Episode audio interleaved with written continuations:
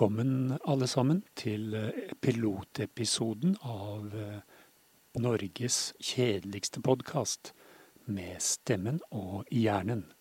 Stemmen, det er meg, og hjernen er den som har noe på hjertet som jeg, stemmen, formidler ut til dere lyttere. Målet med denne podkasten er å få dere til å roe ned, stresse litt mindre kommer litt mer i balanse, og på den måten få en litt mer behagelig hverdag, forhåpentligvis. Det er rett og slett et reseptfritt, beroligende middel i lydformat for dine øreganger. Her blir det ingen beroligende musikk eller bølgeskvulp eller andre lydeffekter å høre. Eh, det er heller ingen hobbyterapi eller tips, gode råd, formaninger eller slikt. Podkasten er kjemisk rensa for intervjuer, debatter, eh, skravling og konfrontasjoner. Historiefortelling og faktaopplysning er også ganske dårlig med, selv om det kan nok forekomme et snev av slikt også iblant.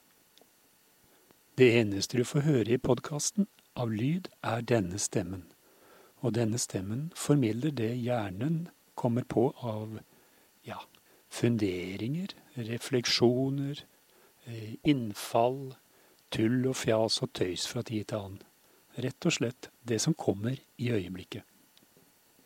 Og her kommer det noe.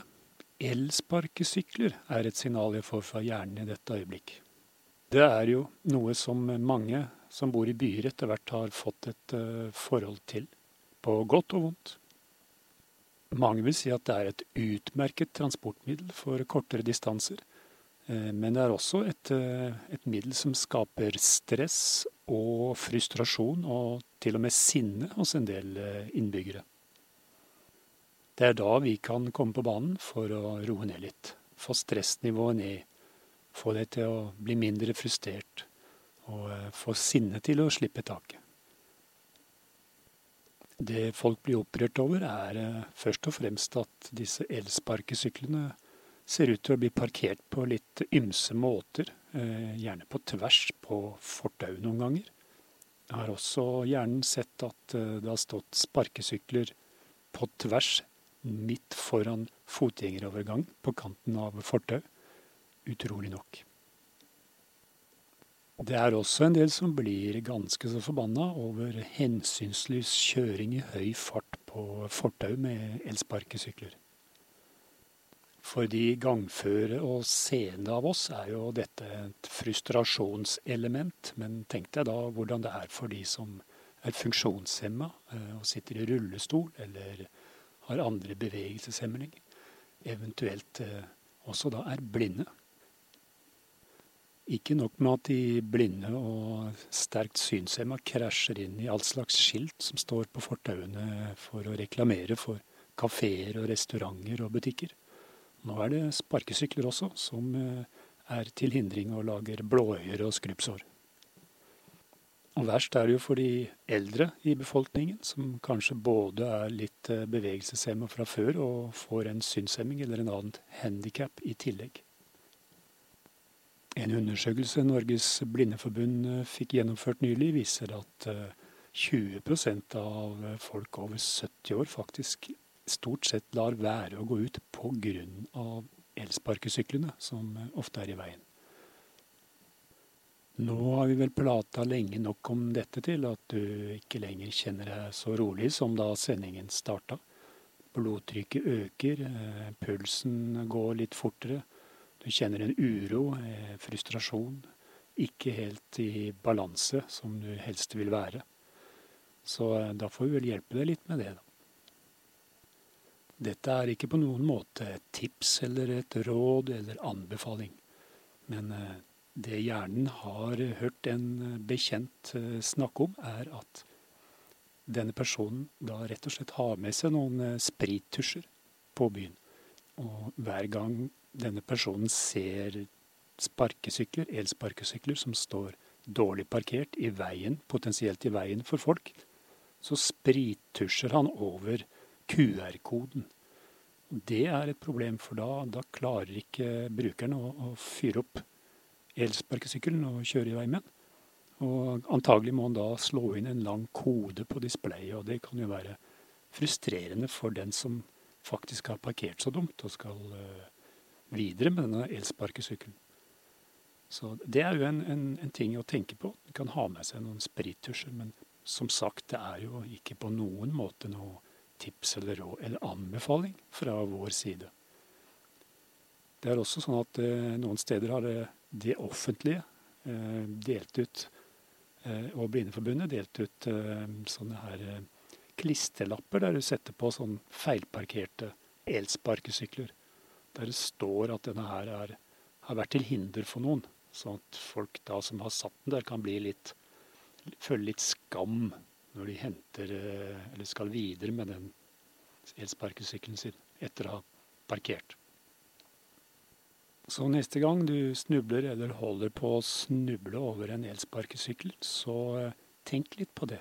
Tenk litt på hvordan det føles for den som har parkert der, når han enten ikke får starta sykkelen igjen fordi QR-koden er uh, tusja over, eller at han føler dyp skam over at det henger en sånn lapp på, på sparkesykkelen.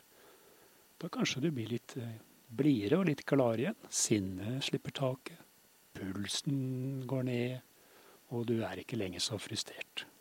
Roen siger innover deg.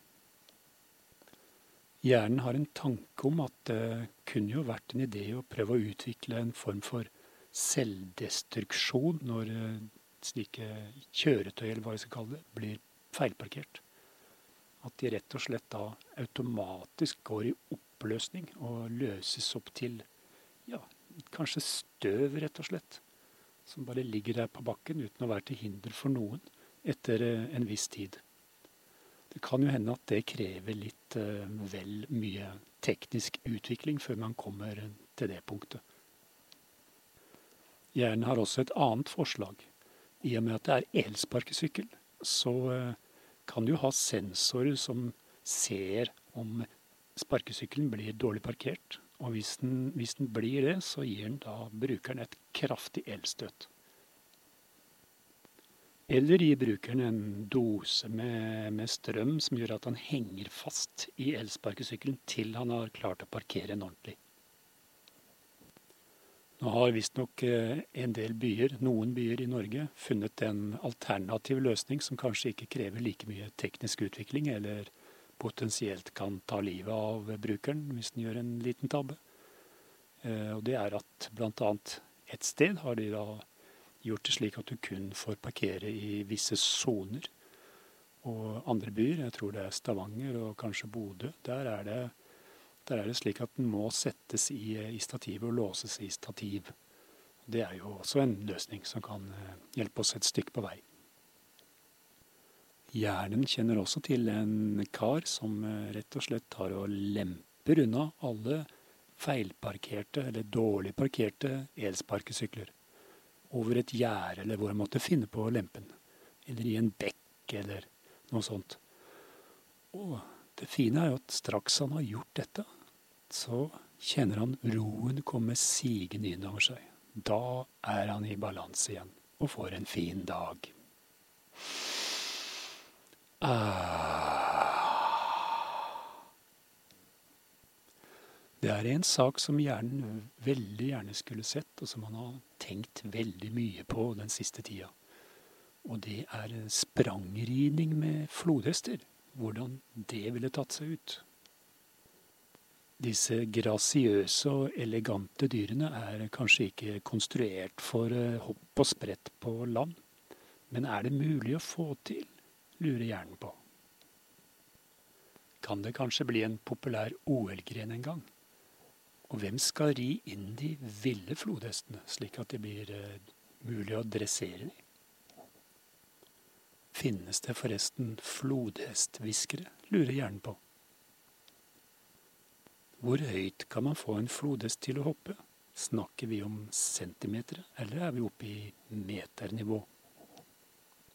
Man kan jo også se for seg travløp med flodhester. Tenk deg det herlige spetakkelet når ti sånne dyr kommer dundrende rundt på Ullevål. Eller Øvrevoll heter det kanskje. Og sprangridning, da. Tenk deg de som skal ri disse flodhestene. Hvor hjulbeinte de må være. Se for deg en flodhest hoppe i langsom kino elegant over hinderet, og kjenn at du begynner å bli behagelig avslappa. Mm. Nå vil hjernen ta en liten tur på floden. Mentalt, virtuelt. Legge seg på en luftmadrass. Bare sige nedover, men ikke der hvor flodhestene holder til, for de kan visst være ganske farlige. Bare nyte det varme været, milde vinden som, som kjærtegner kroppen der du ligger, der hjernen ligger i en slags hjernebadebukse med en uh, drink på magen, en slags mage, og sipper under den lille paraplyen i drinken til et uh, strå som er laget av et eller annet gress som er tykt og hult, for plast skal vi ikke bruke. Å, så deilig. Nå slapper vi av. Slike viruspandemier der det ikke fins noen vaksine ennå tilgjengelig, er en skikkelig stressfaktor for mange av oss. Hjernen f.eks. måtte trekke tilbake alle nærkontaktannonsene sine.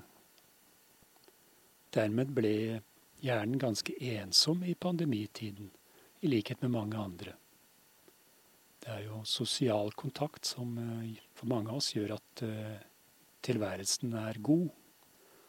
Og eh, får vi ikke det, så blir vi både lei oss og deprimerte eller frustrerte, eller vi får angst av å sitte mye inne og ikke få lov til å bevege oss så mye ute lenger. Og hvis vi er ute og rører på oss, så må vi liksom holde god avstand og noen ganger ha noe foran ansikt og munn, så vi ikke risikerer å smitte andre, i tilfelle vi selv skulle være virusinfiserte. For noen av oss kan det være en god trøst å henge litt mer sammen med hybelkaninene. Og hvis du ikke har noen hybelkaniner, så er det kanskje fordi du er for enslig og støvsuger for ofte under senga. Så vi anbefaler da, eller vi anbefaler ikke, for det gjør vi aldri, men det er jo en tanke, da, sier, formidler hjernen, og rengjøre litt mindre. Det er sikkert eh, mulig å få kjøpt hybelkaniner billig på nett også. Eh, bare søk opp og se om du finner noe som kan passe deg i størrelse, form og farge. Dyr og samvær med dyr er et godt middel til ro og balanse og avslapning, sier mange forskere og helsemennesker som har på en måte greie på dette. Det gjelder også hybelkaniner, ikke bare hunder og katter og slikt. Hjernen var eh, for ikke lenge siden på et eh, kurs i kognitiv terapi som går ut på at uh, du lærer noen triks og knep og metoder for å få tankene over i et annet spor når du føler angst eller er depressiv, uh, selvmordstanker, lyst til å banke opp alle andre eller er redd og slike ting. Et av de eh, viktigste rådene som kurslederen kom med til hjernen, var, og de andre kursdeltakerne, var se på noen YouTube-filmer eller noe sånt. Om noe som du syns er koselig og liker godt, sånn som kattunger f.eks. Eller hundevalper. Eller hester, hvis det er det du liker best. Nå vet ikke gjerne om det finnes så mange videoer med hybelkaniner der ute, men søk det opp. Det er sikkert mulig å komme over noen av det slaget også.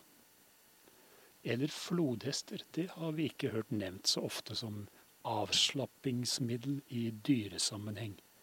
Det er nok mulig at det også fungerer for enkelte. Man kan sikkert gå til anskaffelse av en koseflodhest som man kunne sitte med i fanget i stua. i sofakroken og klø litt bak øret og kanskje få seg en deilig sleikkyss i ansiktet i ny og ne. Veldig avslappende. Hjernen er usikker på om insekter kan ha den samme beroligende effekten. Kakerlakker, eksempel. Men kanskje pinnedyr kan være beroligende nok? Eller stinkbiller, hvis man ser bort fra stanken. Tordivler er jo veldig koselige dyr, syns hjernen. Runde og trivelige og brummer så fint når de flyr. Hornbiller og edderkopper kan derimot være litt skremmende for mange og fremkalle angst og skrekk. Et nærliggende surrogat for de som ikke orker levende insekter, kan være navlelo. Der er det jo litt varierende hvor mye hver enkelt av oss kan produsere. For å summere opp så fins det tilsynelatende en uendelig utvalg av krypdyr og insekter og dyr som kan fungere for å ha en beroligende effekt for mennesker som trenger å roe seg ned, eller få bort angsten eller depresjonen eller frykten eller selvmordstankene eller tanken om å drepe andre. Eh, så her er det bare å velge fritt. Og noen foretrekker kanskje mennesker, men det er jo da der problemet ligger. At de ikke kan ha så mye nærkontakt med mennesker under en pandemi. Under en pandemi derimot er det pandaer man skal eh, unngå nærkontakt med, men de fins jo da heldigvis ikke så mange steder i verden. De som har størst problemer under pandemier, er de som bruker pandaer som eh, beroligende middel. De får det ekstra ille i, i slike pandemier. Når vi går litt tilbake igjen til krypdyr, så ser det da ut som at krokodiller og anakondaer ikke har noen beroligende effekt på noen mennesker i noen situasjoner. Huggormer ser også ut til å ha motsatt effekt av det man ønsker å oppnå. Nå ser det ut til at hjernen har dovna bort, rett og slett. Det betyr at vi runder av denne pilotepisoden med hjernens livsmotto. Det har han henta fra en eh, fotobok som ble gitt ut for mange år siden, der eh, forfatter Lars Saabye Christensen hadde sagt tekst eller dikt til de forskjellige bildene i boka. Og det er slik. Ta det med ro. Du kommer tidsnok for sent. Til vi høres neste gang, sier vi Ah.